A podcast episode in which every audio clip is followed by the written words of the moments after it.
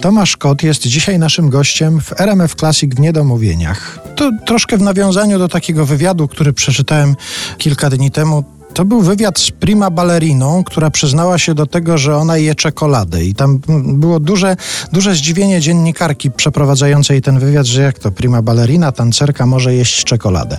Czy ty uświadamiasz sobie, że na przykład robisz coś, co jest wbrew warsztatowi aktorskiemu, coś, czego cię uczono na przykład na studiach, żebyś nie robił czegoś takiego, a ty mimo wszystko to robisz? Jest jakaś taka rzecz? Tak, oczywiście. Mam taką jakby chroniczną y, przypadłość w postaci przeakcentowania i to jest do dzisiaj, ja się czuję, jak pamiętam, jak miałem zajęcia z fizyki w liceum, to tak miałem, że po prostu czekałem aż, żeby to się skończyło. Nie? Jakby nie, bo i tak nie rozumiem, jakby nie, nie wiem o co im chodzi, nie, nie, nie wiem, dodają jakieś litery, potęgują. I to jest takie coś, że później nie idziesz na korepetycję i wiesz o tym, że nie nadajesz się do tego i że nie będziesz się w życiu publicznie wypowiadał. Po prostu nie jestem typem matematyczno-fizycznym i tak dalej. I, I z przeakcentowaniem oczywiście próbowano mnie nauczyć mechanicznie i tak dalej. I zdarzają się tak zwane przeakcentowania u mnie i pamiętam po latach, jak już robiłem swój stand-up i jeździłem po całej Polsce, jak koledzy aktorzy czasami przychodzili, to mówię, stary, nie tak się mówi, tylko tak się Nawet teraz nie jestem w stanie przykładu podać, bo nie wiem, co jest właściwe. Więc więc to jest moja taka wada.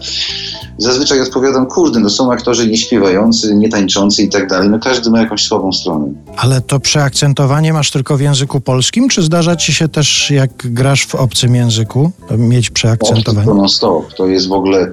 Słyszałem takie historie, że tam aktorzy się nauczyli obcego języka i tak się mówi, nie wiem, że, że jakieś takie legendy, ale trochę mi ciężko w to uwierzyć.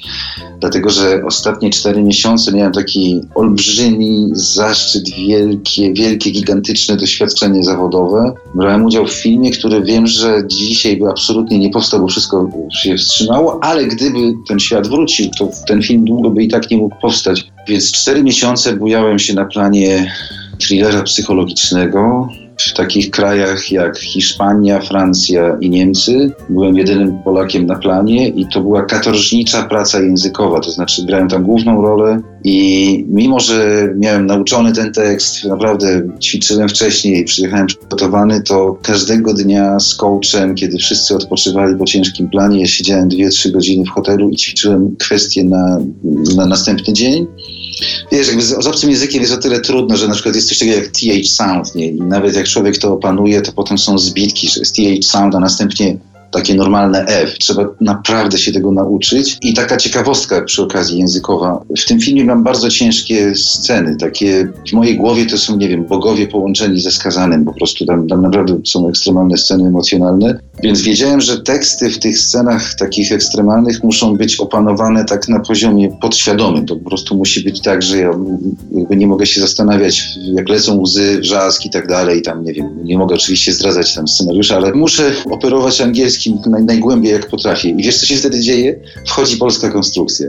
Nagle czuję, że idzie bardzo dobry dubel, że tam wypluwam flaki i nagle wszyscy pytają, ty, ale po co ci to dat w środku? Mhm. Ja nie wiem, przepraszam. Tak po polsku bym powiedział, kurde. Widocznie mi to wchodzi. Muszę się jeszcze raz skupić, zastanowić, przepraszam wszystkich. Więc jakby cały czas są pułapki, miny i trzeba być na to odporny.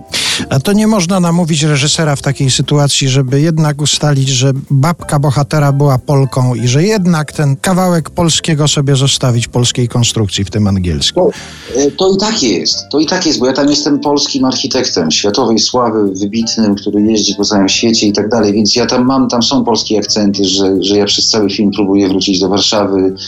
Rzecz jest najważniejsza w tym, żeby być jak najlepszym na, na tyle, na ile można.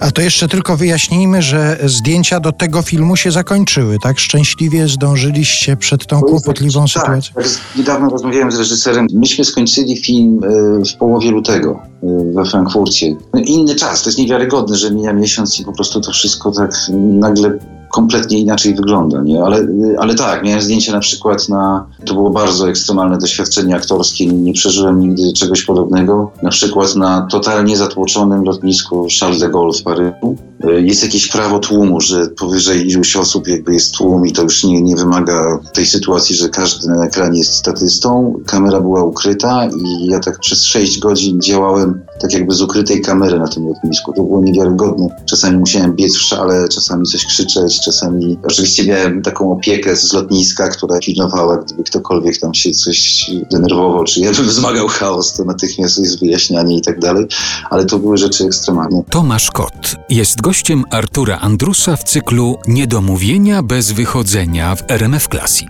Do rozmowy wracamy za chwilę.